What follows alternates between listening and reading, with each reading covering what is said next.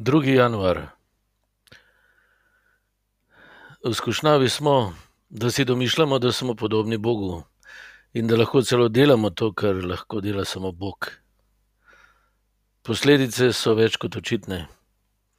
Danes imamo v Evangeliju Janeza Krstnika, ki pa živi pravo držo. On se zaveda, kdo v resnici je, svojega lažnega jaza se zaveda, ampak se mu odreče.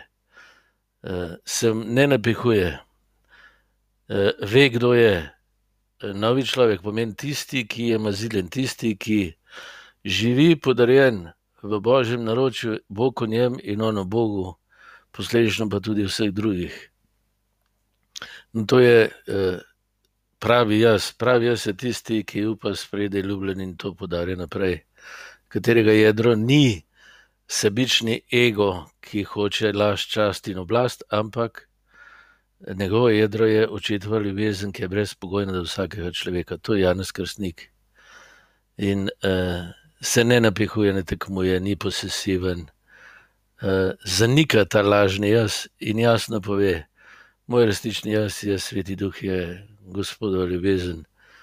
To vam lahko dam, drugega si pa ne lastim."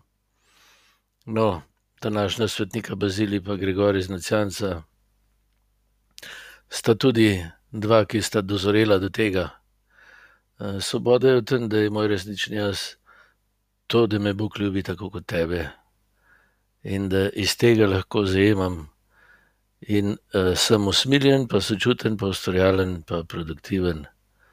Naj bo tako tudi v letošnjem letu enaindvajset, da bomo naredili korak naprej v pravi identiteti.